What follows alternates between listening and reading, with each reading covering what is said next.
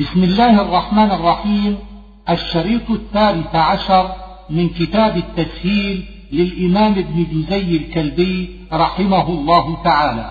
تتمة سورة الأنفال. آية خطاب لكفار قريش وذلك أنهم كانوا قد دعوا الله أن ينصر أحب الطائفتين إليه. وروي أن الذي دعا بذلك أبو جهل فنصر الله المؤمنين وفتح لهم. ومعنى إن تستفتح تطلب الفتح ويحتمل أن يكون الفتح الذي طلبوه بمعنى النصر أو بمعنى الحكم. وقيل إن الخطاب للمؤمنين. فقد جاءكم الفتح إن كان الخطاب للكفار فالفتح هنا بمعنى الحكم. أي قد جاءكم الحكم الذي حكم الله عليكم بالهزيمة والقتل والأسر. وإن كان الخطاب للمؤمنين فالفتح هنا يحتمل أن يكون بمعنى الحكم لأن الله حكم لهم أو بمعنى النصر. وإن تنتهوا أي ترجعوا عن الكفر وهذا يدل على أن الخطاب للكفار. وإن تعودوا نعد أي, أي إن تعودوا إلى الاستفتاح أو القتال نعد لقتالكم والنصر عليكم. ولا تولوا عنه الضمير لرسول الله صلى الله عليه وآله وسلم أو للأمر بالطاعة. وأنتم تسمعون أي تسمعون القرآن والمواعظ. كالذين قالوا سمعنا وهم لا يسمعون هم الكفار. سمعوا بآذانهم دون قلوبهم فسماعهم كلا سماع. إن, إن شر الدواب أي كل من يدب. والمقصود أن الكفار شر الخلق. قال ابن قتيبة نزلت هذه الآية في بني عبد الدار فإنهم جدوا في القتال مع المشركين. لما يحييكم أي للطاعة. وقيل للجهاد لأنه يحيا بالنصر. يحول بين المرء وقلبه قيل يميته وقيل يصرف قلبه كيف يشاء فينقلب من الإيمان إلى الكفر ومن الكفر إلى الإيمان وشبه ذلك. فتنة لا تصيبن الذين ظلموا منكم خاصة أي لا تصيب الظالمين وحدهم بل تصيب معهم من لم يغير المنكر ولم ينهى عن الظلم وإن كان لم يظلم. وحكى الطبري أنها نزلت في علي بن أبي طالب وعمار بن ياسر وطلحة والزبير وأن الفتنة ما جرى لهم يوم الجمل ودخلت النون في تصيبن لأنه بمعنى النهي.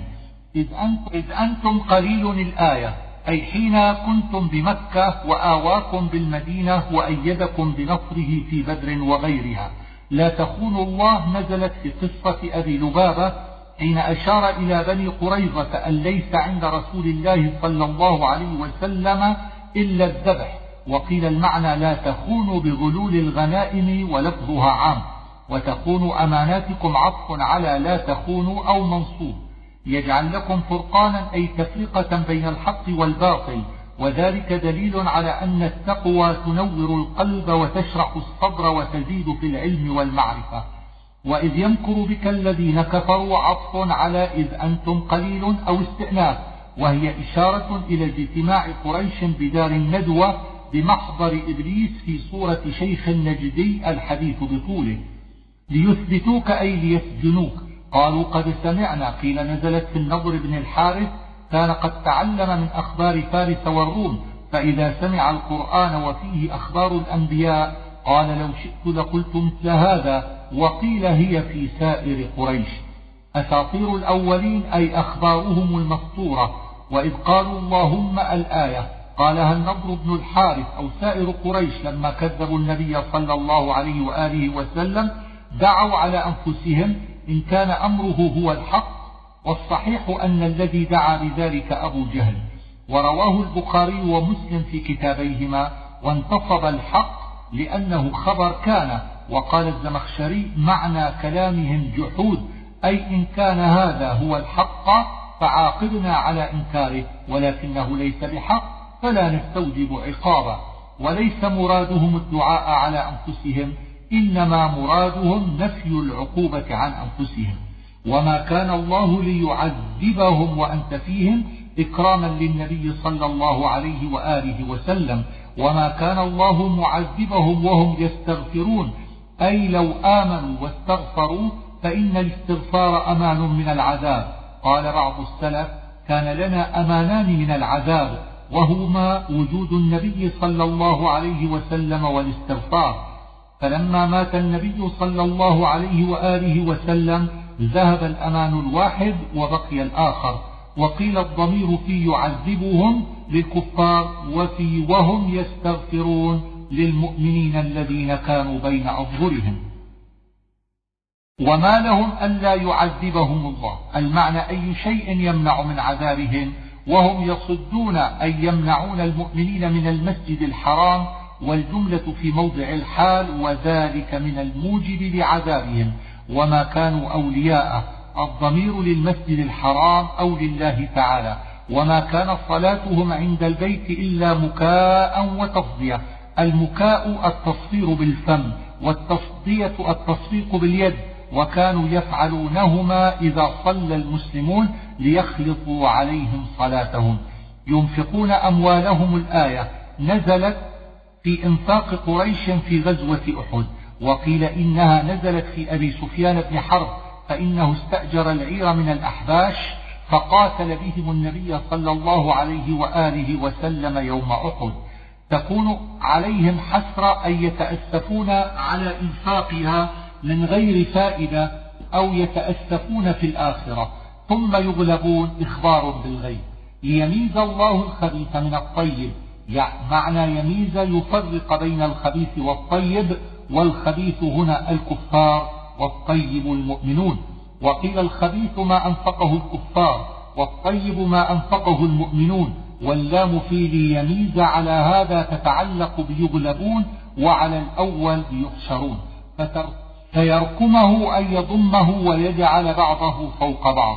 إن ينتهوا يعني عن الكفر إلى الإسلام لأن الإسلام يذب ما قبله ولا تصح المغفرة إلا به.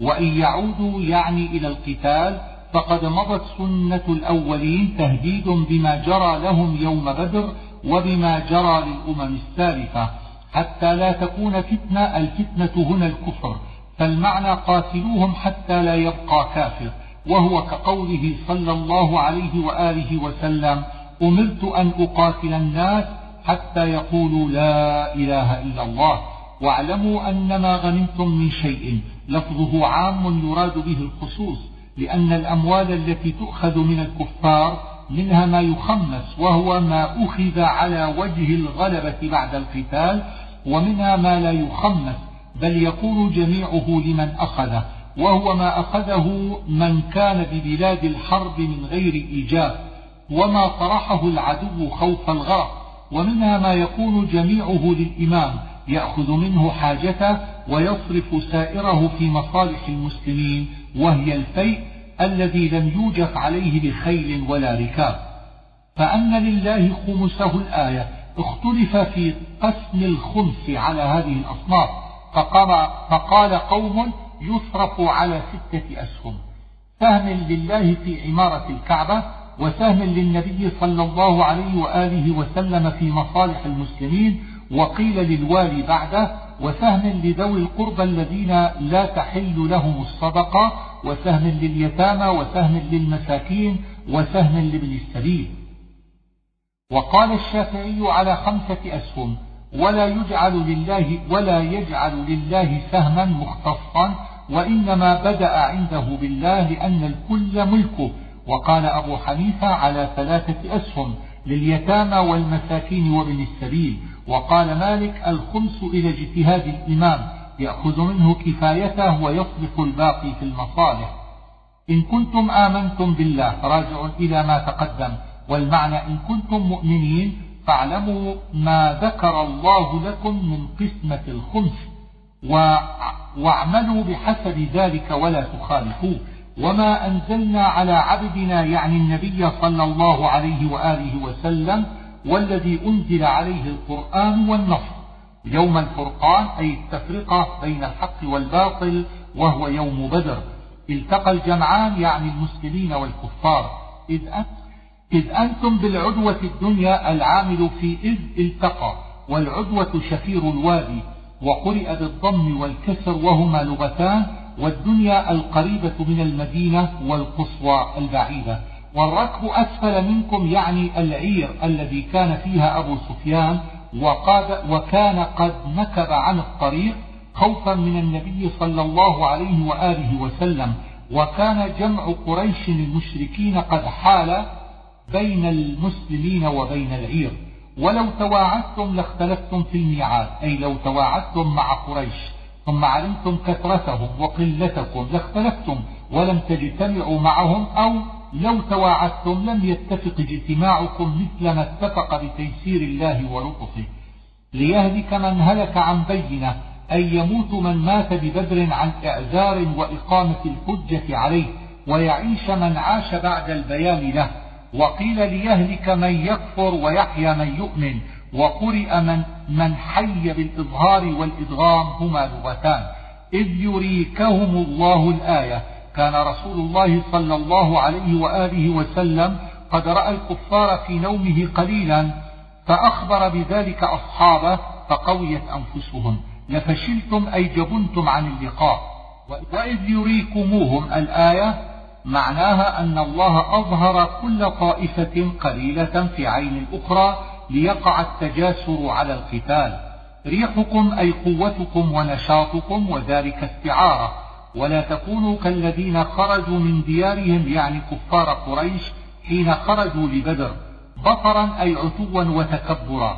وإذ زين لهم الشيطان أعمالهم الآية لما خرجت قريش إلى بدر تصور لهم إبليس في صورة سراقة بن مالك فقال لهم إني جار لكم من قومي وكانوا خافوا من قومه ووعدهم بالنصر. نكص أي رجع إلى وراء. إني أرى ما لا ترون رأى الملائكة تقاتل. يقول المنافقون الذين كانوا بالمدينة وقيل الذين كانوا مع الكفار وهم نفر من قريش منهم قيس بن الوليد بن المغيرة وأبو قيس بن الفاكه بن المغيرة والحارث بن ربيعة بن الأسود وعلي بن أمية بن خلف والعاصي بن أمية بن الحجاج وكانوا قد أسلموا ولم يهاجروا وخرجوا يوم بدر مع الكفار فقالوا هذه المقالة. غر هؤلاء دينهم أي اغتر المسلمون بدينهم فأدخلوا أنفسهم فيما لا طاقة لهم به. ولو ترى إذ يتوفى الذين كفروا الملائكة ذلك في من قتل يوم بدر. وأدبارهم أي أشتاههم وقيل ظهورهم. وذوقوا هذا من قول الملائكة لهم تقديره ويقولون لهم ذوقوا والقول المحذوف معموله معطوف على يضربون ويحتمل أن يكون ما بعده من قول الملائكة أو يكون مستأنفا. ذلك بأن الله تقديره عند سيبويه الأمر ذلك. والباء السببية والمعنى أن الله لا يغير نعمة على عبيده حتى يغيروا هم بالكفر والمعاصي. كدأب ذكر في آل عمران. الذين عاهدت منهم يريد بني قريظة فشرد بهم من خلفهم أي يفعل بهم من النقمة ما يزجر غيرهم. وإما تخافن من قوم خيانة أي نقضا للعهد. فانبذ إليهم أي رد العهد الذي بينك وبينهم. والمفعول محذوف تقديره فانبذ إليهم عهدهم. على سواء أي معادلة. وقيل معناه أن تستوي معهم في العلم بنقض العهد. ولا تحسبن الذين كفروا سبقوا. أي لا تظن أنهم فاتوا ونجوا بأنفسهم. أن إنهم لا يعجزون أي لا يفوتون في الدنيا ولا في الآخرة. وأعدوا لهم. الضمير للذين ينبذ لهم العهد أو للذين لا يعجزون. وحكمه عام في جميع الكفار. من قوة قال رسول الله صلى الله عليه وآله وسلم ألا إن القوة الرمي. ومن رباط الخيل قال الزمخشري الرباط اسم للخيل التي تربط في سبيل الله. وقال ابن عطية رباط الخيل جمع ربط أو مصدر.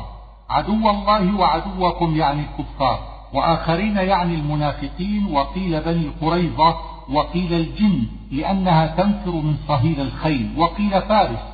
والأول أرجح لقوله مردوا على النفاق. لا تعلمونهم الله يعلمهم قال السهيلي لا ينبغي أن يقال فيهم شيء لأن الله تعالى قال لا تعلمونهم فكيف يعلمهم أحد؟ وهذا لا يلزم لأن معنى قوله لا تعلمونهم لا تعرفونهم أي لا تعرفون آحادهم وأعيانهم وقد يعرف صنفهم من الناس. ألا ترى أنه قال مثل ذلك في المنافقين؟ وإن جنحوا للسلم فاجنح لها. السلم هنا المهادنة والآية منسوخة بآية القتال في براءة لأن مهادنة كفار العرب لا تجوز وألف بين قلوبهم. قيل المراد بين قلوب الأوس والخزرج إذ كانت بينهما عداوة فذهبت بالإسلام واللفظ عام. ومن اتبعك من المؤمنين. عطف على اسم الله وقال الزمخشري مفعول معه والواو بمعنى مع أي حسبك وحسب من اتبعك الله. إن يكن منكم عشرون صابرون الآية إخبار يتضمن وعدا بشرط الصبر ووجود ثبوت الواحد لعشرة ثم نسخ بثبوت الواحد للاثنين. ذلك بأنهم قوم لا يفقهون أي يقاتلون على غير دين ولا بصيرة فلا يثبتون. ما كان لنبي أن يكون له أسرى. لما أخذ الأسرى يوم بدر أشار أبو بكر بحياتهم وأشار عمر بقتلهم فنزلت الآية عتابا على استبقائهم. حتى, حتى يسخن في الأرض أن يبايع في القتال. تريدون عرض الدنيا عتاب لمن رغب في فداء الأسرى.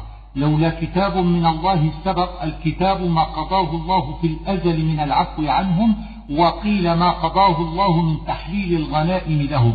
فيما أخذتم يريد به الأسرى وفداؤهم. ولما نزلت الآية قال رسول الله صلى الله عليه وآله وسلم لو نزل عذاب ما نجا منك منه غيرك يا عمر فخذوا مما غنمتم إباحة للغنائم ولفداء الأسرى. إن يعلم الله في قلوبكم خيرا أي إن علم في قلوبكم إيمانا جبر عليكم ما أخذ منكم من الفدية قال العباس في نزلت وكان قد استدي يوم بدر ثم أعطاه رسول الله صلى الله عليه وآله وسلم من المال ما لا يقدر أن يحمله. فقال قد أعطاني الله خيرا مما أخذ مني وأنا أرجو أن يغفر لي وإن يريدوا خيانتك الآية تهديد لهم. إن الذين آمنوا إلى آخر السورة مقصدها بيان منازل المهاجرين والأنصار والذين آمنوا ولم يهاجروا والذين هاجروا بعد الحديبية فبدأ أولا بالمهاجرين ثم ذكر الأنصار وهم الذين آووا ونصروا وأثبت الولاية بينهم وهي ولاية التعاون. ثم نسخت بقوله وأولو الأرحام بعضهم أولى ببعض.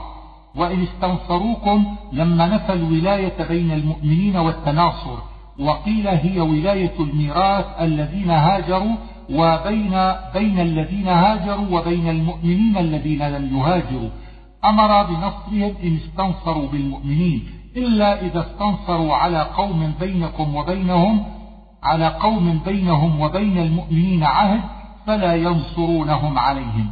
إلا تفعلوه تكن فتنة في الأرض. إلا هنا مركبة من إن الشرطية ولا النافية والضمير في تفعلوه لولاية المؤمنين ولمعاونتهم أو لحفظ الميثاق الذي في قوله إلا على قوم بينكم وبينهم ميثاق أو النصر الذي في قوله فعليكم النصر والمعنى إن لم تفعلوا ذلك تكن فتنة والذين آمنوا وهاجروا الآية ثناء على المهاجرين والأنصار ووعد لهم والرزق الكريم في الجنة والذين آمنوا من بعد يعني الذين هاجروا بعد الحديبية وبيعة الرضوان وأولو الأرحام بعضهم أولى ببعض. قيل هي ناسخة للتوارث بين المهاجرين والأنصار. قال مالك ليست في الميراث وقال أبو حنيفة هي في الميراث وأوجب بها ميراث الخال والعمة وغيرهما من ذوي الأرحام. في كتاب الله أي القرآن وقيل اللوح المحفوظ. سورة براءة. وتسمى سورة التوبة. وتسمى أيضا الفاضحة لأنها كشفت أسرار المنافقين واتفقت المصاحف والقراء على إسقاط البسملة من أولها.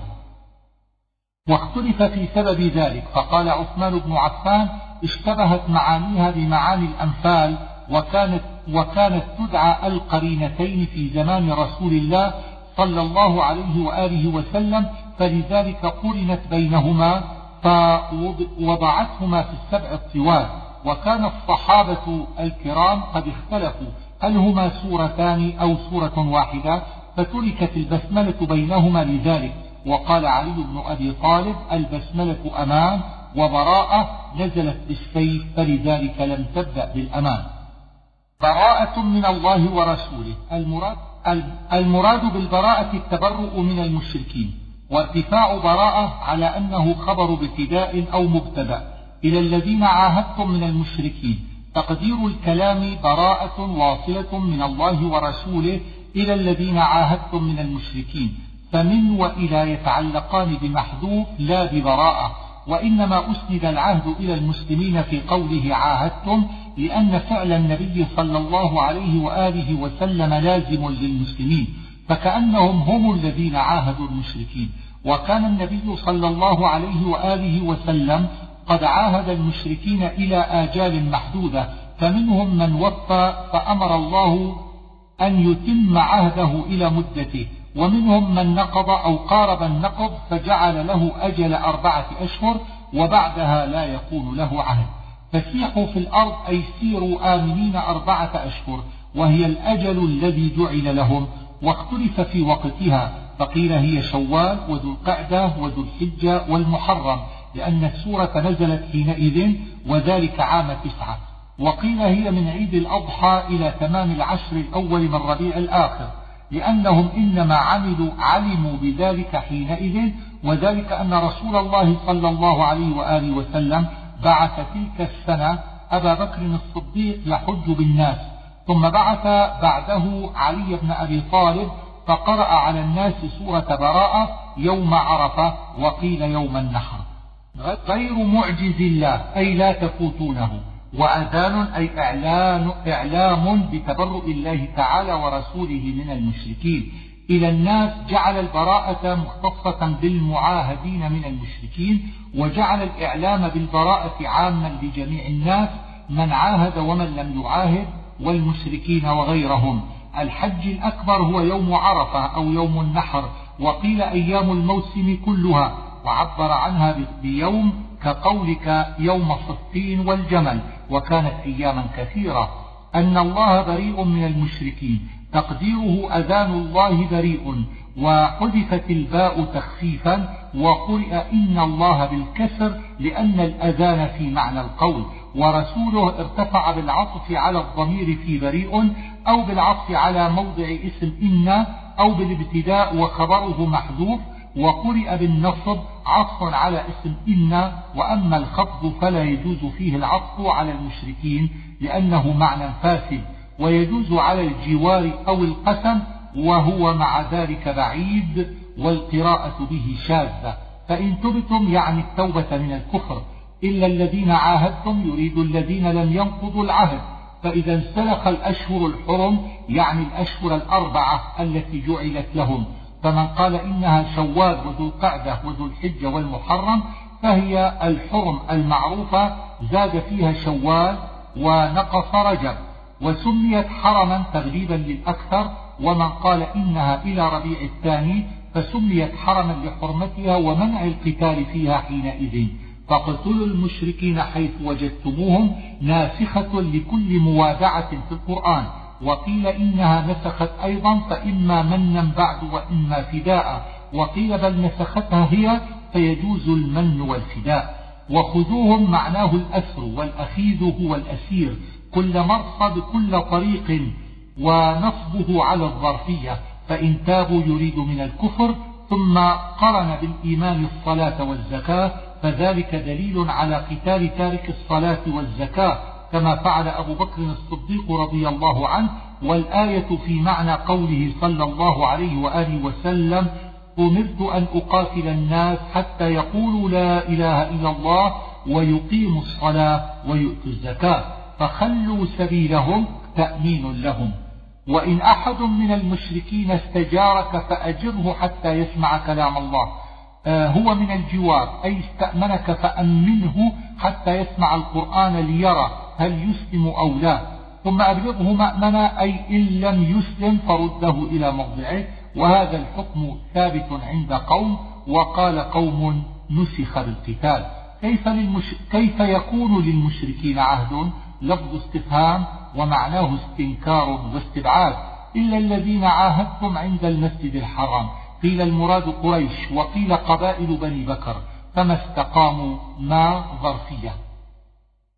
كيف تأكيد للأولى وحذف الفعل بعدها للعلم به تقديره كيف يكون لهم عهد؟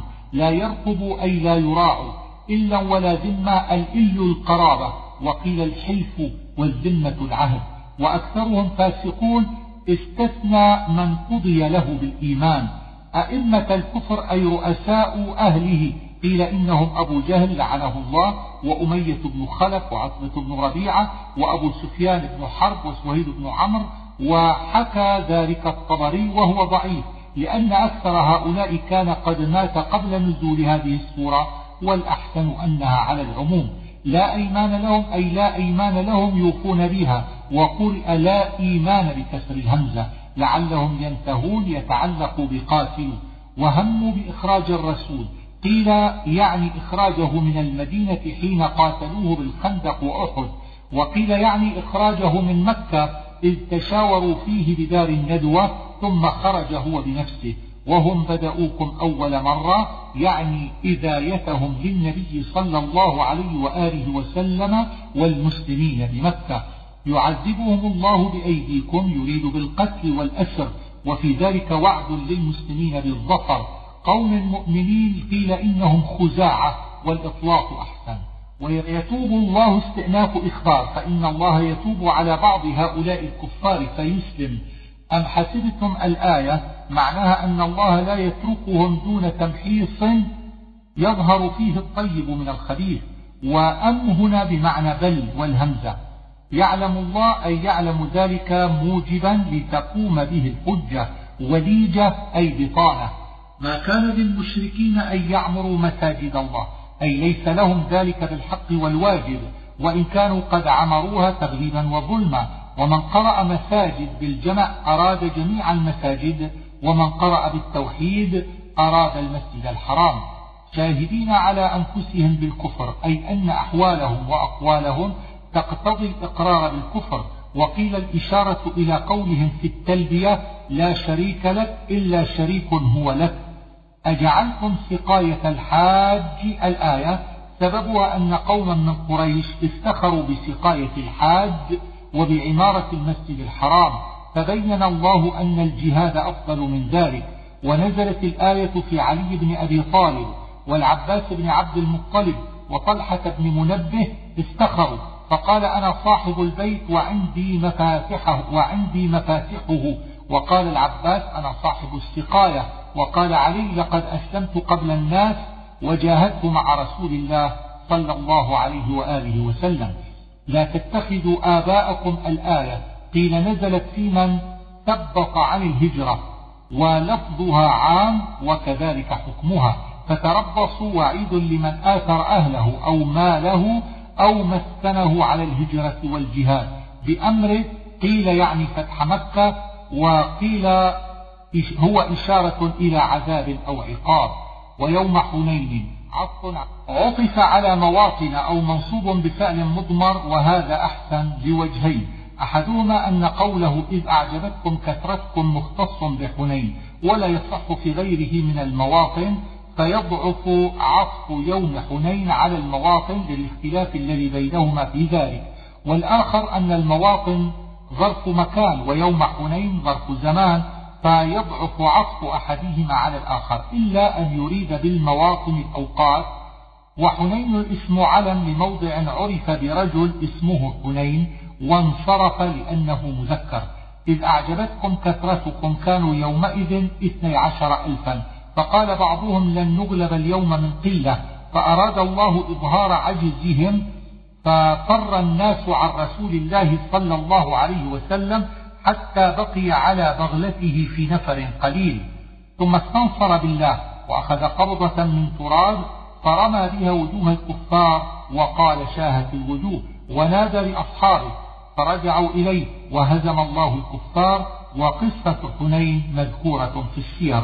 بما رحبت أي ضاقت على كثرة اتساعها وما هنا مصدرية. وأنزل جنودا لم تروها يعني الملائكة. ثم يتوب الله إشارة إلى إسلام هوازن الذين قاتلوا المسلمين بحنين.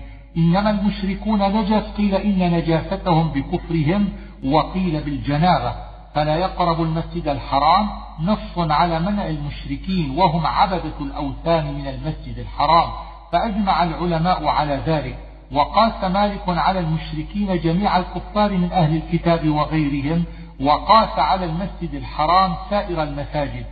فمنع جميع الكفار من جميع المساجد وجعلها الشافعي عامة في الكفار خاصة بالمسجد الحرام فمنع جميع الكفار دخول المسجد الحرام خاصة وأباح لهم دخول غيره. وقصرها أبو حنيفة على موضع النص. فمنع المشركين خاصة من دخول المسجد الحرام خاصة وأباح لهم دخول سائر المساجد وأباح دخول أهل الكتاب في المسجد الحرام وغيره. بعد عامهم هذا يريد عام تسعة من الهجرة حين حج أبو بكر بالناس وقرأ عليهم علي سورة براءة. وإن خفتم عيلة أي, أي فقرا كان المشركون يجلبون الأطعمة إلى مكة. فخاف الناس قلة القوت بها إذ منع المشركون منها فوعدهم الله بأن يغنيهم من فضله فأسلمت العرب كلها. وتمادى جلب الأطعمة إلى مكة ثم فتح الله سائر الأمصار. قاتلوا الذين لا يؤمنون بالله ولا باليوم الآخر أمر بقتال أهل الكتاب ونفى عنهم الإيمان بالله لقول اليهود عزير بن الله وقول النصارى المسيح ابن الله ونفى عنهم الإيمان باليوم الآخر لأن اعتقادهم فيه فاسد فإنهم لا يقولون بالمعاد والحساب. ولا يحرمون ما حرم الله ورسوله لأنهم يستحلون الميتة والدم ولحم الخنزير وغير ذلك ولا يدينون دين الحق أي لا يدخلون في الإسلام. من الذين أوتوا الكتاب بيان للذين أمر بقتالهم. وحين نزلت هذه الآية خرج رسول الله صلى الله عليه وآله وسلم إلى غزوة تبوك لقتال النصارى حتى يعطوا الجزية. اتفق العلماء على قبول الجزية من اليهود والنصارى ويلحق بهم المجوس لقوله صلى الله عليه وآله وسلم سنوا بهم سنة أهل الكتاب واختلفوا في قبولها من عبدة الأوثان والصابئين ولا تؤخذ من النساء والصبيان والمجانين وقدروها عند مالك أربعة دنانير على أهل الذهب وأربعون درهما على أهل الورق ويؤخذ ذلك من كل رأس. عن يد فيه تأويلان. أحدهما دفع الذمي لها بيده لا يبعثها مع أحد ولا ينقل بها كقولك يدا بيد. الثاني عن استسلام وانقياد كقولك ألقى بيده وهم صاغرون أذلاء وقالت اليهود عزير بن الله قال ابن عباس إن هذه المقالة قالها أربعة من اليهود وهم سلام بن مشكم ونعمان بن أوفى وشاس بن قيس ومالك بن الصيف وقيل لم يقلها إلا في الحرف ونسب ذلك إلى جميعهم لأنهم متبعون لمن قالها والظاهر أن جماعتهم قالوها إذ لم ينكروها حين نسبت إليهم وكان سبب قولهم ذلك أنهم فقدوا التوراة فحفظها عزير وحده فعلمها لهم فقالوا ما علم الله عزيرا التوراة إلا أنه ابنه وعزير مبتدأ وابن الله خبره ومنع عزير التنوين لأنه أعجمي لا ينصرف وقيل بل هو منصرف وحذف التنوين لالتقاء الساكنين وهذا ضعيف وأما من نونه فجعله عربيا. وقالت النصارى المسيح ابن الله قال أبو المعالي أطبقت النصارى على أن المسيح إله وابن إله وذلك كفر شنيع. بأفواههم يتضمن معنيين. أحدهما إلزامهم هذه المقالة والتأكيد في ذلك والثاني أنهم لا حجة لهم في ذلك وإنما هو مجرد دعوة كقولك لمن تكذبه هذا قول بلسانك. يضاهئون قول الذين كفروا من قبل. معنى, يضاهئون يشابهون. فإن كان الضمير لليهود والنصارى فالإشارة بقوله الذين كفروا من قبل للمشركين من العرب إذ قالوا الملائكة بنات الله وهم أول كافر أو, للصاب أو للصابئين أو لأمم متقدمة وإن كان الضمير للمعاصرين للنبي صلى الله عليه وآله وسلم من اليهود والنصارى فالذين كفروا من قبل هم أسلافهم المتقدمون. قاتلهم الله دعاء عليهم وقيل معناه لعنهم الله. أن يؤفكون تعجب كيف يصرفون عن الحق والصواب. اتخذوا أحبارهم ورهبانهم أربابا أي أطاعوهم كما يطاع الرب وإن كانوا لم يعبدوهم. والمسيح معطوف على الأحبار والرهبان وما أمروا إلا ليعبدوا إلها واحدا أي أمرهم بذلك عيسى ومحمد صلى الله عليه وآله وسلم. يريدون أن يطفئوا نور الله أي يريدون أن يطفئوا نبوة محمد صلى الله عليه وآله وسلم وما جاء به من عبادة الله وتوحيده بأفواههم إشارة إلى أقوالهم كقولهم ساحر وشاعر وفيه أيضا إشارة إلى ضعف حيلتهم فيما أرادوا ليظهره على الدين الضمير للرسول صلى الله عليه وسلم أو للدين وإظهاره جعلوه أعلى الأديان وأقواها حتى يعم المشارق والمغارب وقيل ذلك عند نزول عيسى بن مريم حتى لا يبقى إلا دين الإسلام. يأكلون أموال الناس بالباطل. هو الرشا على الأحكام وغير ذلك. والذين يكنزون الذهب والفضة ورد في الحديث أن كل من أديت زكاته فليس بكنز وما لم تؤدي زكاته فهو كنز وقال أبو ذر وجماعة من الزهاد كل ما فضل عن حاجة الإنسان فهو كنز. ولا ينفقونها الضمير للأموال والكنوز التي يتضمنها المعنى. وقيل هي الفضة واكتفي في ذلك عن الذهب إذ الحكم فيهما واحد. يوم يحمى العامل في الظرف أليم أو محذوف عليها الضمير يعود على ما يعود عليه ضمير ينفقونها. اثنا عشر شهرا. هي الأشهر المعروفة أولها المحرم وآخرها ذو الحجة. وكان الذي جعل المحرم أول شهر من العام عمر, عمر بن الخطاب رضي الله تعالى عنه. في كتاب الله أي في اللوح المحفوظ وقيل في القرآن والأول أرجح لقوله يوم خلق السماوات والأرض. منها أربعة حرم هي رجب وذو القعدة وذو الحجة والمحرم. ذلك الدين القيم يعني إن تحريم الأشهر الحرم هو الدين المستقيم دين إبراهيم وإسماعيل وكانت العرب قد تمسكت به حتى غيره بعضهم. فلا تظلموا فيهن أنفسكم الضمير في قوله فيهن للأشهر الحرم تعظيما لأمرها وتغليظا للذنوب فيها. وإن كان الظلم ممنوعا في غيرها وقيل الضمير للاثني عشر شهرا أو الزمان كله والأول أظهر.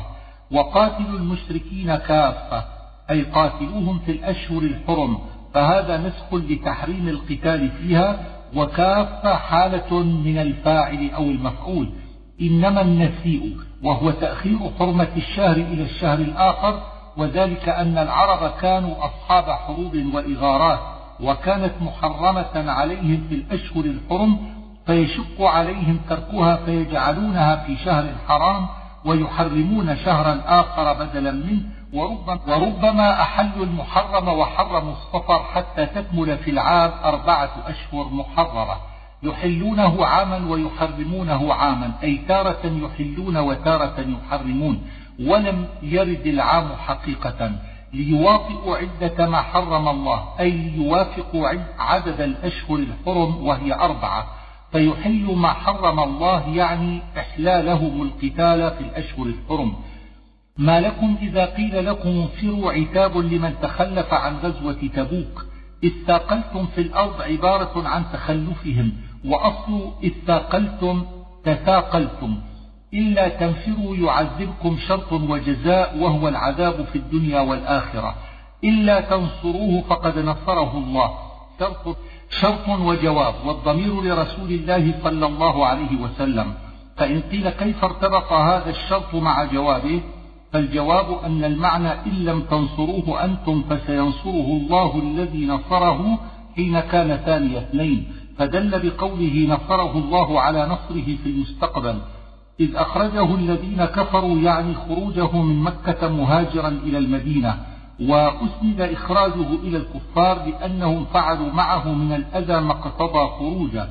ثاني اثنين هو أبو بكر الصديق إذ يقول لصاحبه لا تحزن يعني أبا بكر إن الله معنا يعني بالنصر واللطف فأنزل الله سكينته عليه.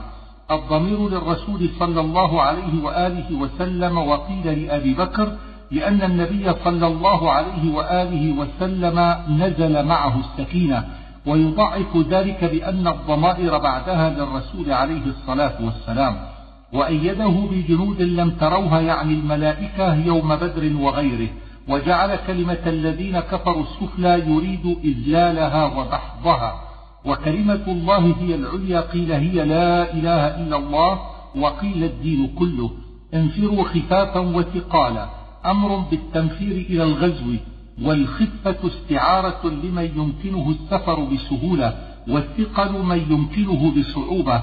وقال بعض العلماء الخفيف الغني والثقيل الفقير وقيل الخفيف الشاب والثقيل الشيخ وقيل الخفيف النشيط والثقيل الكسلان وهذه الأقوال أمثلة في الثقل والخفة وقيل إن هذه الآية منسوخة بقوله ليس على الضعفاء ولا على المرضى الآية.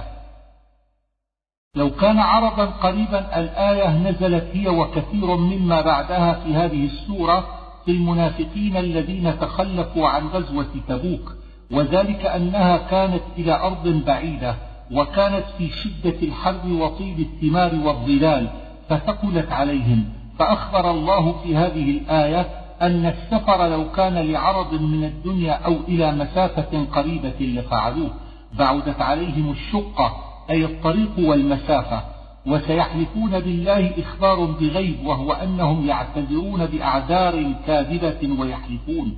يهلكون أنفسهم أي يوقعونها في الهلاك بحلف بحلفهم الكاذبة أو تخلفهم عن الغزو.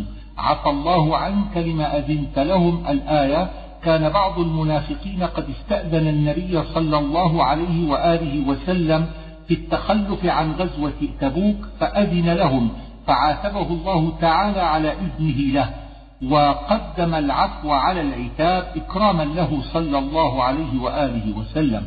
وقيل إن قوله عفى الله عنك ليس لذنب ولا عتاب ولكنه استفتاح كلام كما يقول أصلحك الله حتى يتبين لك الذين صدقوا وتعلم الكاذبين. كانوا قد قالوا استأذنوه في القعود فإن أذن لنا قعدنا وإن لم يأذن لنا قعدنا. وإنما كان يظهر الصدق من الكذب لو لم يأذن لهم فحينئذ كان يقعد العاصي والمنافق ويسافر المطيع. لا يستأذنك الذين يؤمنون بالله الآية لا يستأذنك في التخلف عن الغزو لغير عذر من يؤمن بالله واليوم الآخر. وارتابت قلوبهم أي شكت ونزلت الآية في عبد الله بن أبي بن سلول والجد بن قيس. ولو أرادوا الخروج الآية أي لو كانت لهم نية في الغزو والاستعداد له قبل أوانه انبعاثهم أي خروجهم فثبطهم أي كسر عزمهم وجعل في قلوبهم الكسل. وقيل اقعدوا يحتمل أن يكون القائل لهم اقعدوا هو الله تعالى وذلك عبارة عن قضائه عليهم بالقعود ويحتمل أن يكون ذلك من قول بعضهم لبعض. مع القاعدين أي مع النساء والصبيان وأهل الأعذار وفي ذلك ذم لهم لاختلاطهم في القعود مع هؤلاء. لو خرجوا فيكم ما زادوكم إلا خبالا أي شرا وفسادا ولأوضعوا أي أسرعوا السير والإيضاع سرعة السير والمعنى أنهم يسرعون للفساد والنميمة. خلالكم أي بينكم يبغونكم الفتنة أي يحاولون أن يفتنوكم. سماعون لهم وقيل يسمعون أخبارهم وينقلونها إليكم. لقد ابتغوا الفتنة من قبل أي طلبوا الفساد. وروي أنها نزلت في عبد الله بن أبي بن سلول وأصحابه من المنافقين. وقلبوا لك الأمور أي دبروها من كل وجه فأبطل الله سعيهم. ومنهم من يقول ائذن ولا تفتني. لما دعا النبي صلى الله عليه وآله وسلم إلى غزوة تبوك قال الجد بن قيس وكان من المنافقين إذن لي في القعود ولا تفتني برؤية بني الأصفر فإني لا أصبر عن النساء. ألا في الفتنة سقطوا أي وقعوا في الفتنة التي فروا منها. إن تصبك حسنة تسؤهم. الحسنة هو النصر الحسنة هنا النصر والغنيمة وشبه ذلك. يقول قد أخذنا أمرنا من قبل أي قد حذرنا وتأهبنا من قبل. قل لن يصيبنا إلا ما كتب الله لنا أي ما قدر وقضى وهذا رد على المنافقين. قل هل تربصون بنا إلا إحدى الحسنيين؟ أي هل تنتظرون بنا إلا إحدى الأمرين إما الظفر والنصر وإما الموت في سبيل الله وكل واحد من الخصلتين حسن. بعذاب من عنده المصائب وما ينزل من السماء أو عذاب الدنيا أو بأيدينا يعني القتل. فتربصوا تهديد. قل أنفقوا طوعا أو كرها لن يتقبل منكم. تضمن الأمر هنا معنى الشر فاحتاج إلى جواب. والمعنى لن يتقبل منكم سواء أنفقتم طوعا أو كرها. والطوع والكره عموم في الإنفاق أي لن يتقبل على كل حال. وما منعهم أن تقبل منهم نفقاتهم إلا أنهم كفروا. تعليل لعدم قبول نفقاتهم بكفرهم. ويحتمل أن يكون إنهم كفروا فاعل ما, ما منعهم أو في موضع مفعول من أجله والفاعل الله. إنما يريد الله ليعذبهم بها قيل العذاب في الدنيا بالمصائب وقيل ما ألزم من أداء الزكاة وتزهق أنفسهم وهم كافرون إخبار بأنهم يموتون على الكفر. ويحلفون بالله إنهم لمنكم أي المؤمنين. يفرقون يخافون. لو, لو يجدون ملجأ أي ما يلجأ إليه من المواضع أو مغارات هي الغيران في الجبال. أو مدخلا وزنه مفتعل من الدخول ومعناه نفق أو سرب في الأرض يجمحون أي يسارعون. ومنهم من يلمزك في الصدقات أي يعيبك على قسمتها والآية في المنافقين كالتي قبلها وبعدها. وقيل في ذي الخويصرة الذي قال اعدل يا محمد فإنك لم تعدل فقال رسول الله صلى الله عليه وآله وسلم ويلك إن لم أعدل فمن يعدل؟ الحديث. ولو أنهم رضوا الآية ترغيب لهم فيما هو خير لهم وجواب لو محذوف تقديره لكان ذلك خيرا لهم. إنما الصدقات للفقراء والمساكين الآية. إنما هنا تقتضي حصر الصدقات وهي الزكاة في هذه الأصناف الثمانية فلا يجوز أن يعطى منها غيرهم. ومذهب مالك أن تفريقها في هؤلاء الأصناف إلى اجتهاد الإمام فله أن يجعلها في بعض دون بعض. ومذهب الشافعي أنه يجب أن تقسم على جميع هذه الأصناف بالسواء واختلف العلماء هل الفقير أشد حاجة من المسكين أو بالعكس فقيل هما سواء وقيل الفقير الذي يسأل الناس ويعلم حاله والمسكين ليس كذلك والعاملين عليها أي الذين يقبضونها ويفرقونها والمؤلفة قلوبهم آه، كفار يعطون ترغيبا في الإسلام وقيل هم مسلمون يعطون ليتمكن إيمانهم واختلف هل بقي حكمهم أو سقط للاستغناء عنهم.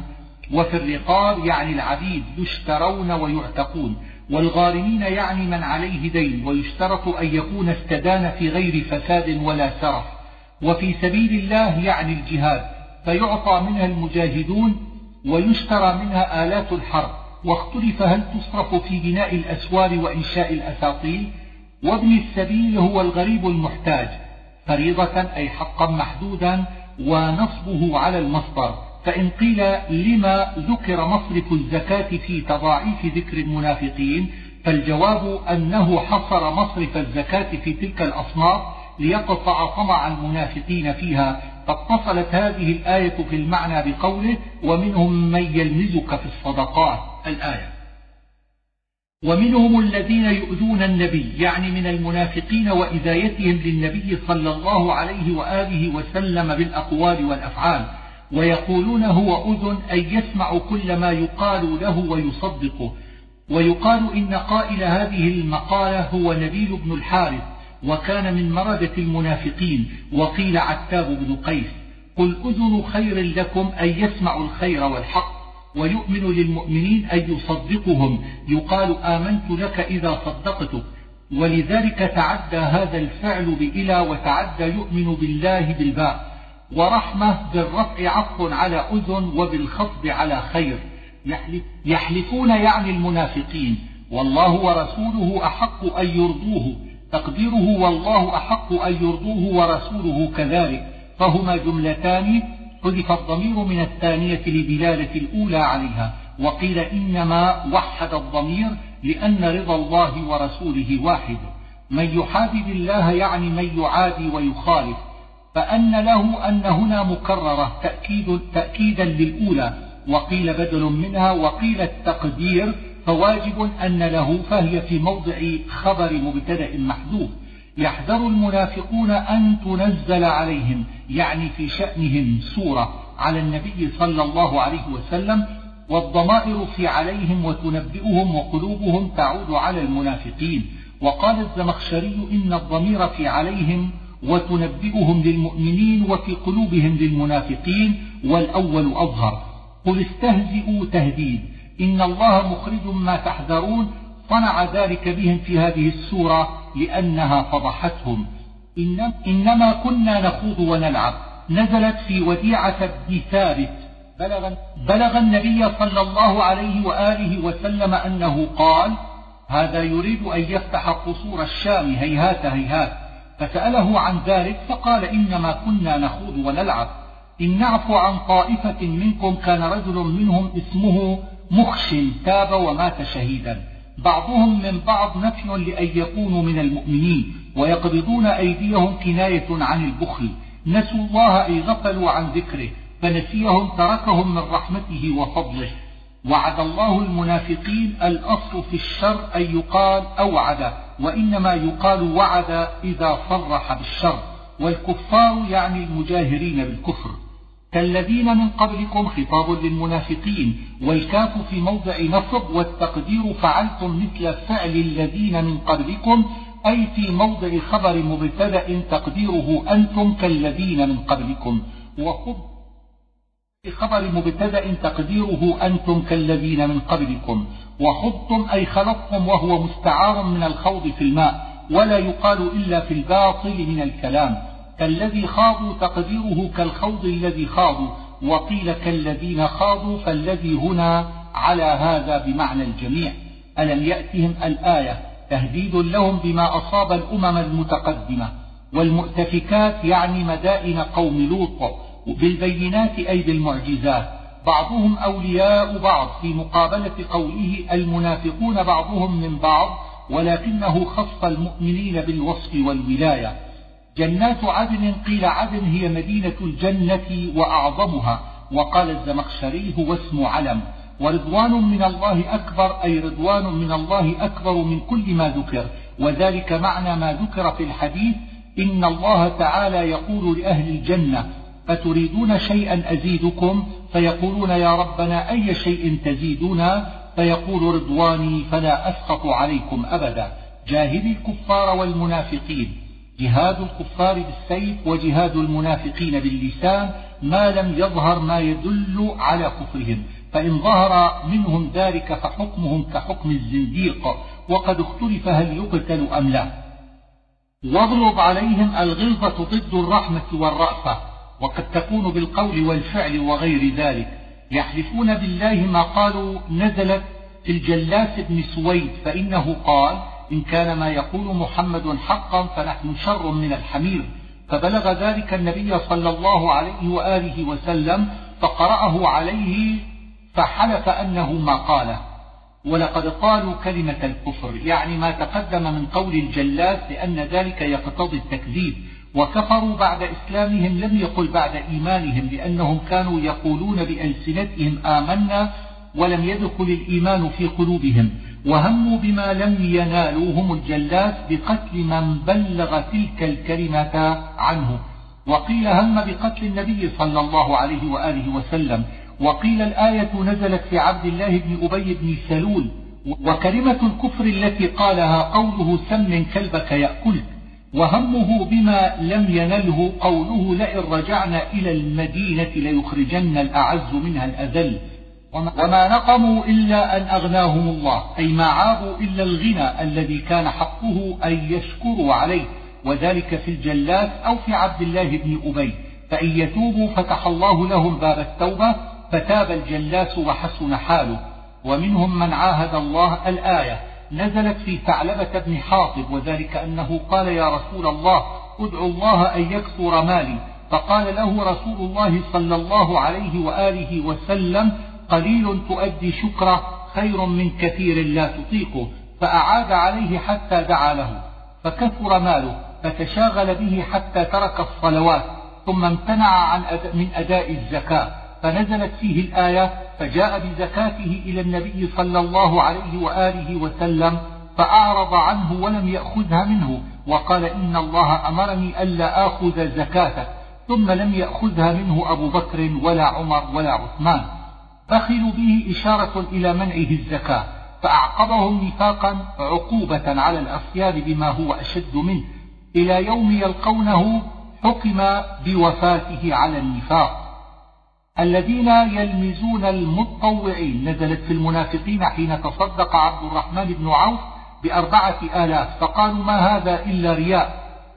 وأصل المتطوعين المتطوعين والمراد به هنا من تصدق بكثير والذين لا يجدون إلا جهدهم هم الذين لا يقدرون إلا على القليل فيتصدقون به. نزلت في أبي عقيل تصدق بصاع من تمر فقال المنافقون إن الله غني عن صدقة هذا فيسخرون منهم أي يستخفون بهم سخر الله منهم تسمية للعقوبة باسم الذنب.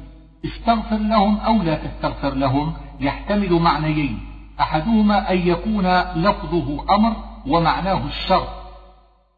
ومعناه إن استغفرت لهم أو لم تستغفر لهم لن يغفر الله لهم كما جاء في سورة المنافقين. والآخر أن يكون تخييرا كأنه قال إن شئت فاستغفر لهم وإن شئت فلا تستغفر لهم. ثم أعلمه الله أنه لا يغفر لهم. وهذا أرجح لقول رسول الله صلى الله عليه وآله وسلم إن الله خيرني فاخترت. وذلك حين قال عمر أتصلي على عبد الله بن أبي وقد نهاك الله عن الصلاة عليه؟ سبعين مرة ذكرها على وجه التمثيل للعدد الكثير. فرح المخلفون أي الذين خلفهم الله عن بدر وأقعدهم عنه وفي هذا تحقير وذم لهم. ولذلك لم يقل المتخلفون.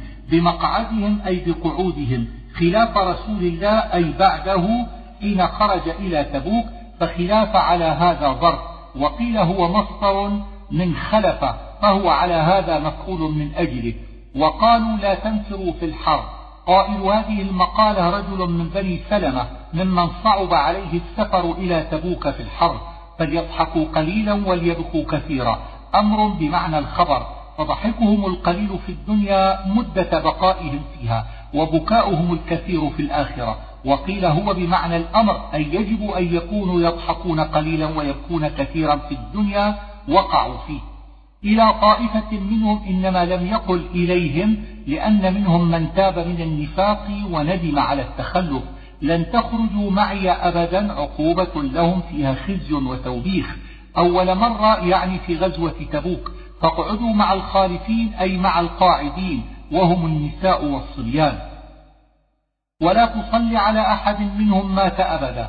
نزلت في شأن عبد الله بن أبي بن سلول وصلاة رسول الله صلى الله عليه وآله وسلم حين مات. وروي أنه صلى عليه فنزلت الآية. وروي أنه صلى الله عليه وآله وسلم لما تقدم ليصلي عليه جاءه جبريل فجبز ثوبه. وتلا عليه ولا تصلي على أحد منهم مات أبدا الآية فانصرف رسول الله صلى الله عليه وآله وسلم ولم يصل عليه. وإذا أنزلت سورة قيل يعني براءة والأرجح أنه على الإطلاق. أن آمنوا أن هنا مفسرة. استأذنك أولو الطول منهم أي أولو الغنى والمال الكثير. لكن الرسول الآية أي إن تخلف هؤلاء فقد جاهد الرسول ومن معه. الخيرات تعم منافع الدارين. وقيل هي الحور العين لقوله خيرات حسان وجاء المعذرون هم المعتذرون. ثم أدغمت التاء في الذال ونقلت حركتها إلى العين. واختلف هل كانوا في اعتذارهم صادقين أو كاذبين. وقيل هم المقصرون من عذر في الأمر إذا قصر فيه ولم يجد. فوزنه على هذا المفعلون. وروي أنها نزلت في قوم من غفار وقعد الذين كذبوا الله ورسوله هم قوم لم يجاهدوا ولم يعتذروا عن تخلفهم فكذبوا في دعواهم الإيمان. سيصيب الذين كفروا منهم أي من المعذرين. ليس على الضعفاء ولا على المرضى. هذا رفع للحرج عن أهل الأعذار الصحيحة من ضعف البدن والفقر إذا تركوا الغزو. وقيل إن الضعفاء هنا هم النساء والصبيان وهذا بعيد ولا على الذين لا يجدون ما ينفقون. قيل نزلت في بني مقر وهم ستة إخوة صحبوا النبي صلى الله عليه وآله وسلم. وقيل في عبد الله بن مغفل المزني إذا نصحوا لله يعني بنياتهم وأقوالهم وإن لم يخرجوا للغزو. ما على المحسنين من سبيل وصفهم بالمحسنين لأنهم نصحوا لله ورسوله ورفع عنهم العقوبة والتعنيف واللوم ولا على الذين إذا ما أتوك لتحملهم. قيل هم بنو مقر وقيل ابن مغفل وقيل سبعة نفر من بطون شتى وهم البكاؤون. ومعنى لتحملهم على الإبل. وجواب إذا يحتمل أن يكون قلت لا أجد ما أحملكم أو تولوا إذا رجعتم. يعني من غزوة تبوك. لن نؤمن لكم لن نصدقكم. من أخباركم نعت لمحذوف وهو المفعول الثاني. تقديره قد نبأنا الله جملة من أخباركم. الأعراب أشد كفرا ونفاقا. هم أهل البوادي من العرب. وأجدر أن لا يعلموا حدود ما أنزل الله يعني أنهم أحق أن لا يعلموا الشرائع لبعدهم عن الحاضرة ومجالس العلم. ومن الأعراب من يتخذ ما ينفق مغرما أي تثقل عليهم الزكاة والنفقة في سبيل الله ثقل المغرم الذي ليس بحق عليه. ويتربص بكم الدوائر أي ينتظر بكم مصائب الدنيا. عليهم دائرة السوء خبر أو دعاء. وصلوات الرسول أي دعواته لهم. وهو عطف على قربات أي يقصدون بنفقاتهم التقرب إلى الله. واغتنام دعاء الرسول لهم وقيل نزلت في بني مقرن والسابقون الأولون قيل هم من صلى للقبلتين وقيل من شهد بدرا وقيل من حضر بيعة الرضوان والذين اتبعوه سائر الصحابة ويدخل في ذلك التابعون ومن بعدهم إلى يوم القيامة بشرط الإحسان. مرضوا على النفاق أي اجترأوا عليه وقيل أقاموا عليه سنعذبهم مرتين ثم يردون إلى عذاب عظيم. العذاب العظيم هو عذاب النار. وأما المرتان قبله فالثانية منهما عذاب القبر والأولى عذابهم بإقامة الحدود عليهم وقيل بفضيحتهم بالنفاق. وآخرون اعترفوا بذنوبهم الآية. قيل إنها نزلت في أبي لبابة فعمله الصالح الجهاد. وعمله السيء نصيحته لبني قريظة وقيل هو لمن تخلف عن تبوك من المؤمنين فعملهم الصالح ما سبق لهم وعملهم السيء تخلفهم عن تبوك. وروي أنهم ربطوا أنفسهم إلى سوار المسجد وقالوا لا نحل أنفسنا حتى يحلنا رسول الله صلى الله عليه وآله وسلم وقيل هي عامة في الأمة إلى يوم القيامة. قال بعضهم ما في القرآن آية أرجى لهذه الأمة من هذه الآية؟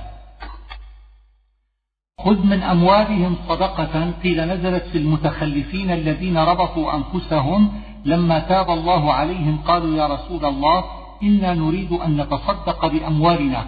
فنزلت هذه الآية وأخذ ثلث أموالهم وقيل هي الزكاة المفروضة فالضمير على العموم لجميع المسلمين. تطهرهم وتزكيهم بها خطاب للنبي صلى الله عليه وآله وسلم في موضع صفة لصدقة أو حال من الضمير في خذ. وصل عليهم أي يدعو لهم سكن لهم أي تسكن به نفوسهم فهو عبارة عن صحة الاعتقاد أو عن طمأنينة نفوسهم إذا علموا أن الله تاب عليهم. ألم يعلموا أن الله هو يقبل التوبة عن عباده؟ الضمير في يعلم للتائبين من التخلف. وقيل للذين تخلفوا ولم يتوبوا وقيل عام وفائدة الضمير المؤكد تخصيص, تخصيص الله تعالى بقبول التوبة دون غيره. ويأخذ الصدقات قيل معناه يأمر بها وقيل يقبلها من عباده. وآخرون مرجون لأمر الله. قيل هم الثلاثة الذين خلفوا قبل أن يتوب الله عليهم. وقيل هم الذين بنوا مسجد الضرار. وقرئ مرجؤون بالهمز وتركه وهما لغتان ومعناه التأخير. والذين اتخذوا مسجدا قرئ الذين بغير واو صفة لقوله وآخرون مرجون أو على تقديرهم الذين. وهذه وهذه القراءة جارية على قول من قال في المرجون لأمر الله هم أهل مسجد الضرار وقرئ والذين بالواو عطف على آخرون مرجون. وهذه القراءة جارية على قول من قال في المرجئين أنهم الثلاثة الذين خلفوا.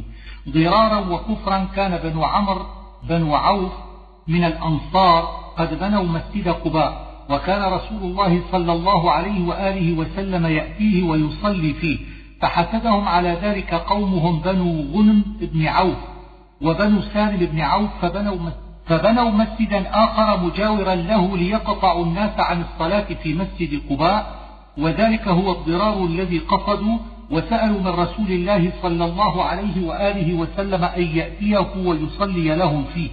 فنزلت عليه فيه هذه الآية وتفريقا بين المؤمنين أرادوا أن يتفرق المؤمنون عن مسجد قباء. وإرصادا لمن حارب الله ورسوله من قبل أي انتظارا لمن حارب الله ورسوله. وهو أبو عامر الراهب الذي سماه رسول الله صلى الله عليه وآله وسلم الفاسق وكان من أهل المدينة. فلما قدمها رسول الله صلى الله عليه وآله وسلم جاهر, جاهر بالكفر والنفاق ثم خرج إلى مكة فحزب الأحزاب من المشركين. فلما فتحت مكة خرج إلى الطائف. فلما أسلم أهل الطائف خرج إلى الشام ليستنصر بقيصر فهلك هناك. وكان أهل مسجد الضرار يقولون إذا قدم أبو عامر المدينة يصلي في هذا المسجد والإشارة بقوله من قبل إلى ما فعل معه الأحزاب. وليحلفن إن أردنا إلا الحسنى أي الخصلة الحسنى وهي الصلاة وذكر الله فأكذبهم الله في ذلك. لا تقم فيه أبدا. نهي عن إتيانه والصلاة فيه. فكان رسول الله صلى الله عليه وآله وسلم لا يمر بطريقه. لمسجد أسس على التقوى قيل هو مسجد قباء. وقيل مسجد النبي صلى الله عليه وآله وسلم بالمدينة. وقد روي ذلك عن رسول الله صلى الله عليه وآله وسلم. فيه رجال يحبون أن يتطهروا كانوا يستنجون بالماء. ونزلت في الأنصار على قول من قال إن المسجد الذي أسس على التقوى هو مسجد المدينة ونزلت في بني عمرو بن عوف خاصة على قول من قال إن المسجد الذي أسس على التقوى هو مسجد قباء. أفمن أسس بنيانه على تقوى من الله ورضوان خير أم من أسس بنيانه على شفا جروف نهار الآية. استفهام بمعنى التقرير والذي أسس على التقوى والرضوان مسجد المدينة أو مسجد قباء والذي أسس على شفا جروف نهار هو مسجد الضرار وتأسيس البناء على التقوى والرضوان هو بحسن النية فيه وقصد وجه الله وإظهار شرعه. والتأسيس على شفا جروف نهار هو بفساد النية وقصد الرياء والتفريق بين المؤمنين فذلك على وجه الاستعارة والتشبيه البديع. ومعنى شفا جرف طرف ومعنى هار ساقط أو واهي. بحيث أشفى على السقوط وأصل هار هائر فهو من المقلوب لأن لامه جعلت في موضع العين فانهار به في نار جهنم أي طاح في جهنم وهذا ترشيح للمجاز. فإنما فإنه لما شبه بالجرف وصف بالانهيار الذي هو من شأن الجرف وقيل إن ذلك حقيقة وأنه سقط في نار جهنم وخرج الدخان من موضعه. والصحيح أن رسول الله صلى الله عليه وآله وسلم أمر بهدمه فهدم. لا يزال بنيانهم الذي بنوا ريبة في قلوبهم أي لا يزال في قلوب أهل مسجد الضرار ريبة من بنيانه أي شك في الإسلام بسبب بنيانه لاعتقادهم صواب فعلهم أو غيظ بسبب هدمه. إلا أن تقطع قلوبهم أي إلا أن يموتوا. إن الله اشترى من المؤمنين أنفسهم وأموالهم. قيل إنها نزلت في بيعة العقبة وحكمها عام في كل مؤمن مجاهد في سبيل الله إلى يوم القيامة. قال بعضهم ما أكرم الله فإن أنفسنا هو خلقها وأموالنا هو رزقها ثم وهبها لنا ثم اشتراها منا بهذا الثمن الغالي فإنها لصفقة رابحة. يقاتلون في سبيل الله. جملة في موضع الحال بيان للشراء فاستبشروا ببيعكم الذي بايعتم به. قال بعضهم ناهيك عن بيع. البائع فيه رب العلا والثمن جنة المأوى والواسطة محمد المصطفى صلى الله عليه وآله وسلم. التائبون وما بعده أوصاف للمؤمنين الذين اشترى الله منهم أنفسهم وأموالهم. تقديره هم التائبون. السائحون قيل معناه الصائمون. ويقال ساح في الأرض أي ذهب. ما كان للنبي والذين آمنوا أن يستغفروا للمشركين. نزلت في شأن أبي طالب فإنه لما امتنع أن يقول لا إله إلا الله عند موته قال له رسول الله صلى الله عليه وآله وسلم والله لأستغفرن لك ما لم أنه عنك. فكان يستغفر له حتى نزلت هذه الآية. وقيل إن النبي صلى الله عليه وآله وسلم استأذن ربه أن يستغفر لأمه فنزلت الآية. وقيل إن المسلمين أرادوا أن يستغفروا لآبائهم المشركين فنزلت الآية. وما كان استغفار إبراهيم لأبيه إلا عن موعدة. المعنى لا حجة لكم أيها المؤمنون في استغفار إبراهيم لأبيه فإن ذلك لم يكن إلا لوعد تقدم وهو قوله سأستغفر لك ربي.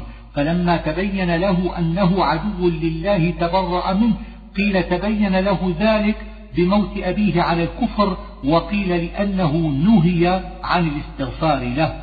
لأواه قيل كثير الدعاء وقيل موقن وقيل فقيه وقيل كثير الذكر لله وقيل كثير التأوه من خوف الله. وما كان الله ليضل قوما الآية نزلت في قوم من المسلمين استغفروا للمشركين من غير إذن فخافوا على أنفسهم من ذلك فنزلت الآية تأنيسا لهم أي ما كان الله ليؤاخذكم بذلك قبل أن يبين لكم المنع عن ذلك. في ساعة العسرة يعني حين محاولة غزوة تبوك.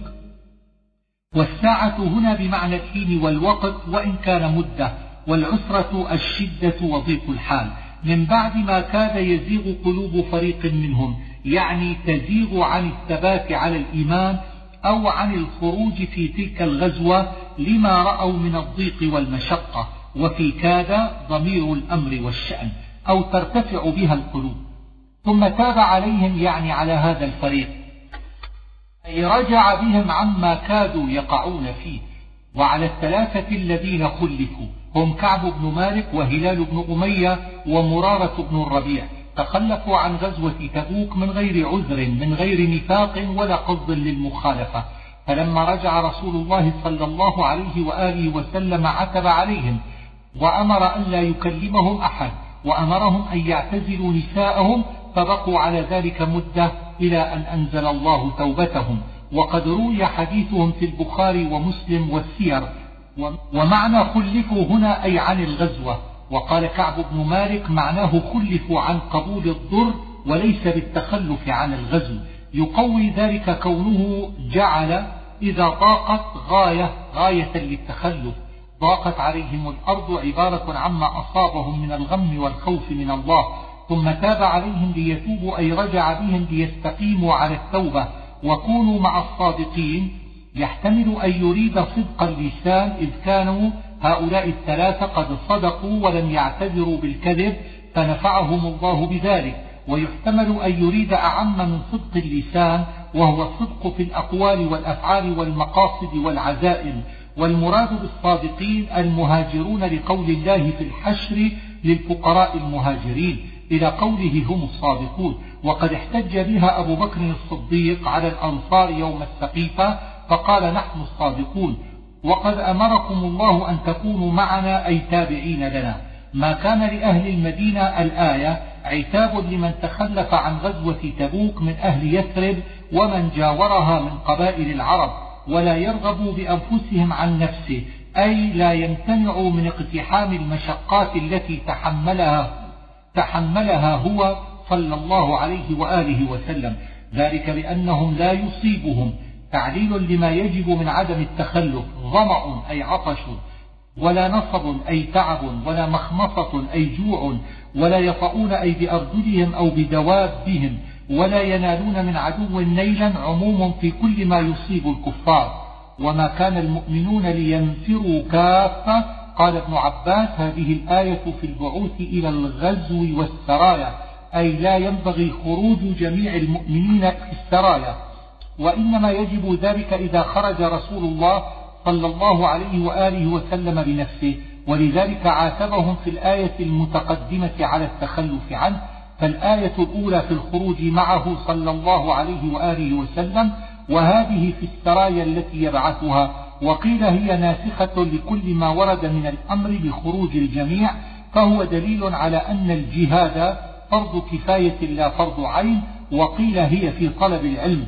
ومعناها أنه لا تجب الرحلة في طلب العلم على الجميع بل على البعض لأنه فرض كفاية. فلولا نفر من كل فرقة منهم طائفة تحضيض على نفر بعض المؤمنين للجهاد أو لطلب العلم ليتفقهوا في الدين إن قلنا إن الآية في الخروج إلى طلب العلم فالضمير في يتفقه للفرقة التي تنفر أي ترحل وكذلك الضمير في ينذروا وفي رجعوا. أي ليعلموا قومهم إذا رجعوا إليهم من الرحلة. وإن قلنا إن الآية في السرايا فالضمير في يتفقه للفرقة التي تقعد في المدينة ولا تخرج مع السرايا. وأما الضمير في رجعوا فهو للفرقة التي خرجت مع السرايا. لعلهم يحذرون الضمير للقوم. قاتلوا الذين يلونكم من الكفار. أمر بقتال الأقرب فالأقرب على تدريج.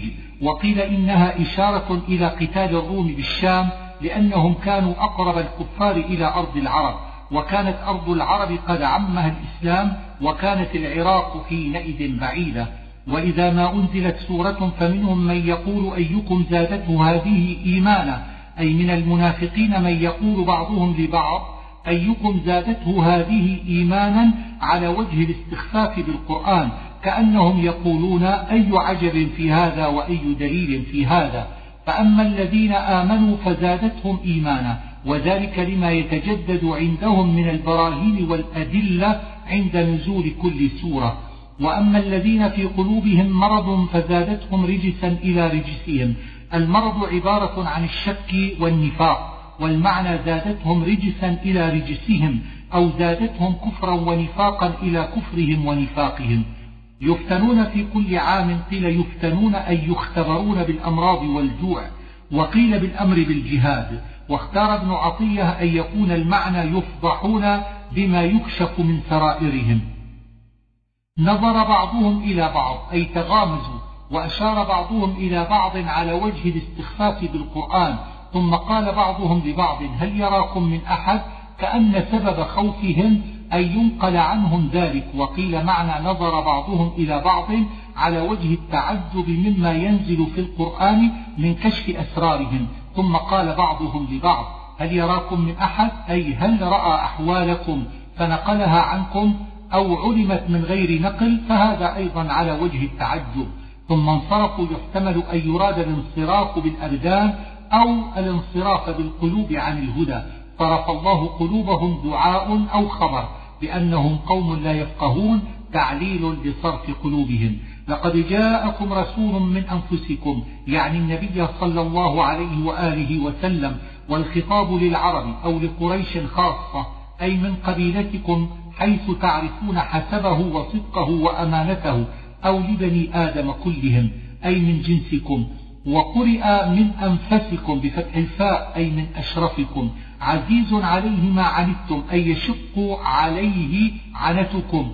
والعنة هو ما يضرهم, ما يضرهم في دينهم أو دنياهم وعزيز صفة للرسول. وما عنتم فاعل بعزيز وما مصدرية أو ما عنتم مصدر وعزيز خبر مقدم والجملة في موضع الصفة. حريص عليكم أي حريص على إيمانكم وسعادتكم. بالمؤمنين رؤوف رحيم. سماه الله هنا باسمين من أسمائه فإن تولوا فقل حسبي الله أي إن أعرضوا عن الإيمان فاستعن بالله وتوكل عليه. وقيل إن هاتين الآيتين نزلتا بمكة. سورة يونس عليه الصلاة والسلام. ألف لام را. تكلمنا في أول البقرة على حروف الهجاء التي في أوائل السور. تلك آيات الكتاب إشارة إلى ما تضمنته السورة من الآيات والكتاب هنا القرآن. الحكيم من الحكمة أو من الحكم أو من الأحكام أو من الإحكام للأمر أي أحكمه الله. أكان للناس عجبا أن أوحينا إلى رجل منهم أن أنذر الناس. الهمزة للإنكار وعجبا خبر كان وأن أوحينا اسمها وأن أنذر تفسير للوحي. والمراد بالناس هنا كفار قريش وغيرهم. وإلى رجل هنا رسول الله صلى الله عليه وآله وسلم. ومعنى الآية الرد على من استبعد النبوة أو تعجب من أن يبعث الله رجلا. قدم صدق أي عمل, أي عمل صالح فرموه. وقال ابن عباس السعادة السابقة لهم في اللوح المحفوظ. قال الكافرون إن هذا لسحر مبين. يعنون ما جاء به من القرآن. وقرئ لساحر يعنون به النبي صلى الله عليه وآله وسلم ويحتمل أن يكون كلامهم هذا آه، تفسيرا لما ذكر قبله من تعجبهم من النبوة ويكون خبرا مستأنفا. إن ربكم الله تعريف بالله وصفاته ليعبدوه ولا يشركوا به وفيه رد على من أنكر النبوة كأنه يقول إنما أدعوكم إلى عبادة ربكم الذي خلق السماوات والأرض فكيف تنكرون ذلك وهو الحق المبين؟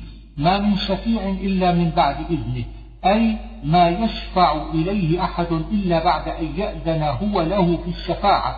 وفي هذا رد على المشركين الذين يزعمون أن الأصنام تشفع لهم. وعد الله حقا. نصب وعد على المصدر المذكور المؤكد للرجوع إلى الله ونصب حقا على المصدر المؤكد لوعد الله. إنه يبدأ الخلق ثم يعيده أي يبدأه في الدنيا ويعيده بعد الموت في الآخرة والبداءة دليل على العودة. ليجزي تعليل للعودة وهي البعثة بالقسط أي بعدله في جزائهم أو بقسطهم في أعمالهم الصالحة. هو الذي جعل الشمس ضياء والقمر نورا. وصف أفعال الله وقدرته وحكمته. والضياء أعظم من النور. وقدره منازل الضمير للقمر والمعنى قدر سيره في منازل. والحساب يعني حساب الأوقات من الأشهر والأيام والليالي. ما خلق الله ذلك إلا بالحق أي ما خلقه عبثا. والإشارة بذلك إلى ما تقدم من المخلوقات. إن الذين لا يرجون لقاءنا قيل معنى يرجون هنا يخافون وقيل لا يرجون حسن لقائنا. فالرجاء على أصله وقيل لا يرجون لا يتوقعون أصلا ولا يخطر ببالهم. ورضوا بالحياة الدنيا أي قنعوا أن تكون حظهم ونصيبهم. وطمأنوا بها أي سكنت أنفسهم عن ذكر الانتقال عنها. والذين هم عن آياتنا غافلون يحتمل أن تكون هي الفرقة الأولى فيكون من عطف الصفات أو تكون غيرها. ويهديهم يهديهم ربهم بإيمانهم. أي يسددهم بسبب إيمانهم إلى الاستقامة أو يهديهم في الآخرة إلى طريق الجنة وهو أرجح لما بعده. دعواهم فيها أي دعاؤهم. ولو يعجل الله للناس الشر استعجالهم بالخير لقضي إليهم أجلهم. أي لو يجعل الله للناس الشر كما يحبون تعجيل الخير لهلكوا سريعا. ونزلت الآية عند قوم في دعاء الإنسان على نفسه وماله وولده. وقيل نزلت في الذين قالوا إن كان هذا هو الحق من عندك فأمطر علينا حجارة من السماء. وإذا مس الإنسان الضر دعانا. عتاب في ضمنه نهي لمن يدعو الله عند الضر ويغفل عنه عند العافية. لجنبه أي مضطجعا. وروي أنها نزلت في أبي حذيفة بن المغيرة لمرض كان به. ولقد أهلكنا القرون. إخبار ضمنه وعيد للكفار. لننظر معناه ليظهر في الوجود فتقوم عليكم الحجة به. وإذا تتلى عليهم يعني على قريش. قل لو شاء الله ما تلوته عليكم. أي ما تلوته إلا بمشيئة الله لأنه من عنده وما هو من عندي ولا أدراكم به أي ولا أعلمكم به. فقد لبثت فيكم عمرا من قبله. أي بقيت في بينكم أربعين سنة قبل البعث ما تكلمت في هذا حتى جاءني من عند الله فمن أظلم ممن افترى على الله كذبا تنصل من الافتراء على الله وبيان لبراءته صلى الله عليه وآله وسلم مما نسبوه إليه من الكذب وإشارة إلى كذبهم على الله في نسبة الشركاء له أو كذب بآياته بيان لظلمهم في تكذيبهم رسول الله صلى الله عليه وآله وسلم. ويعبدون من دون الله ما لا يضرهم ولا ينفعهم. الضمير في يعبدون لكفار العرب وما لا يضرهم ولا ينفعهم هي الأصنام. ويقولون هؤلاء شفعاؤنا عند الله. كانوا يزعمون أن الأصنام تشفع لهم. قل أتنبئون الله بما لا يعلم؟ رد عليهم في قولهم بشفاعة الأصنام. والمعنى أن شفاعة الأصنام ليست بمعلومة لله الذي هو عالم عالم بما في السماوات والأرض وكل ما ليس بمعلوم لله فهو عدم محض ليس بشيء. فيقول فقوله أتنبئون الله تقرير لهم على وجه التوبيخ والتهكم؟ أي كيف تعلمون الله أو كيف تعلمون الله بما لا يعلم؟ وما, وما كان الناس إلا أمة واحدة. تقدم في البقرة في قوله كان الناس أمة واحدة. ولولا كلمة سبقت يعني القضاء ويقولون لولا أنزل عليه آية كانوا يطلبون آية من الآيات التي اقترحوها ولقد نزل عليهم آيات عظام فما اعتدوا بها لعنادهم وشدة ضلالهم. قل إنما الغيب لله إن شاء فعل وإن شاء لم يفعل لا يطلع, لا يطلع على ذلك أحد. فانتظروا أي انتظروا نزول ما اقترحتموه. إني معكم من المنتظرين أي منتظر لعقابكم على كفركم.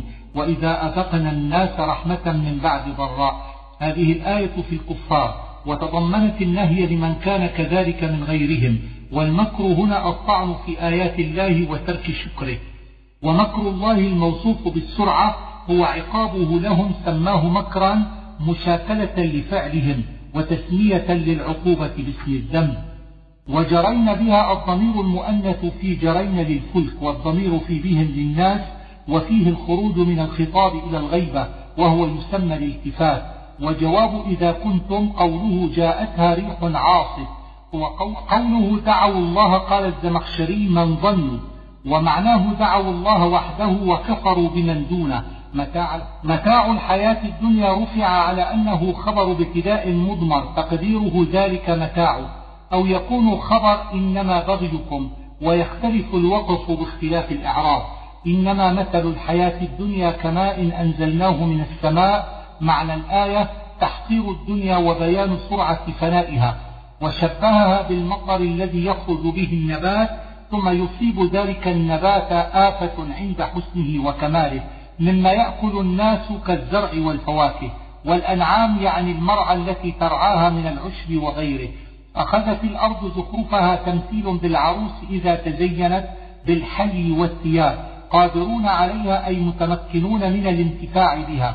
أتاها, أتاها أمرنا أي بعض الجوائح كالريح والصر وغير ذلك. فجعلناها حصيدا أي جعلنا زرعها كالذي حصد وإن كان لم يحصد كأن لم تغنى كأن لم تنعم. والله يدعو إلى دار السلام أي إلى الجنة.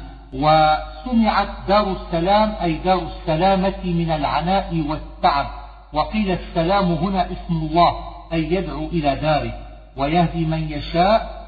ذكر الدعوة إلى الجنة عامة مطلقة والهدايا خاصة بمن يشاء. للذين أحسنوا الحسنى وزيادة. الحسنى الجنة والزيادة النظر إلى وجه الله. وقيل الحسنى جزاء الحسنة بعشر أمثالها والزيادة التضعيف فوق ذلك إلى سبعمائة والأول أصح لوروده في الحديث وكثرة القائلين به قتر أي غبار يغير الوجه والذين كسبوا السيئات مبتدأ على حذف مضاف تقديره جزاء الذين كسبوا السيئات جزاء سيئة بمثلها أو على تقدير لهم جزاء سيئة بمثلها أو معطوفا على الذين أحسنوا ويكون جزاء سيئة مبتدأ وخبره بمثلها. ما لهم من الله من عاصم أي لا يعصمهم أحد من عذاب الله. قطعا من الليل مظلمة. من قرأ بفتح الطاء فهو جمع قطعة. وإعراب مظلما على هذه القراءة حال من الليل. ومن قرأ قطعا بإسكان الطاء فمظلما صفة له أو حال من الليل. مكانكم تقديره إلزموا مكانكم أي لا تبرحوا حتى تنظروا ما يفعل الله بكم. فزيلنا بينهم أي فرقنا. تبلو كل نفس ما أسلفت أي تختبر بما قدمت من الأعمال وقرئ تتلو بتائين بمعنى تتبع أو تقرأه في المصاحف. قل من يرزقكم الآية؟ احتجاج على الكفار بحجج كثيرة واضحة. لا محيص لهم عن الإقرار بها. يخرج الحي من الميت مذكور في آل عمران. ربكم الحق أي الثابت الربوبية بخلاف ما تعبدون من دونه. فماذا بعد الحق إلا الضلال؟ أي عبادة غير الله ضلال بعد وضوح الحق؟ وتدل الآية على أنه ليس بين الحق والباطل منزلة في علم الاعتقادات إذ الحق فيها في طرف واحد بخلاف مسائل الفروع. كذلك حقت كلمة ربك على الذين فسقوا. المعنى كما حق الحق في الاعتقادات كذلك حقت كلمة ربك على الذين عتوا وتمردوا في كفرهم أنهم لا يؤمنون والكلمات يراد بها القدر والقضاء. قل هل من شركائكم من يبدأ الخلق ثم يعيده الآية؟ احتجاج على الكفار. فإن قيل كيف يحتج عليهم بإعادة الخلق وهم لا يعترفون بها؟ فالجواب أنهم معترفون أن شركاءهم لا يقدرون على الابتداء ولا على الإعادة وفي ذلك إبطال لربوبيتهم وأيضا فوضعت الإعادة موضع المتفق عليه لظهور برهانها. أما لا يهدي بتشديد الدال معناه لا يهتدي في نفسه فكيف يهدي غيره؟ وقرئ بالتخفيف بمعنى يهدي غيره والقراءة الأولى أبلغ في الاحتجاج. فما لكم ما استفهامية معناه معناها تقرير وتوبيخ ولكم خبرها ويوقف عليه. كيف تحكمون؟ أي تحكمون بالباطل في عبادتكم لغير الله. وما يتبع أكثرهم إلا ظن أي غير تحقيق لأنه لا يستند إلى برهان. إن الظن لا يغني من الحق شيئا. ذلك في الاعتقادات إذ المطلوب فيها اليقين بخلاف الفروع. تصديق الذي بين يديه مذكور في البقرة. أم يقولون أم هنا بمعنى بل والهمزة. فأتوا بصورة تعجيز لهم وإقامة حجة عليه.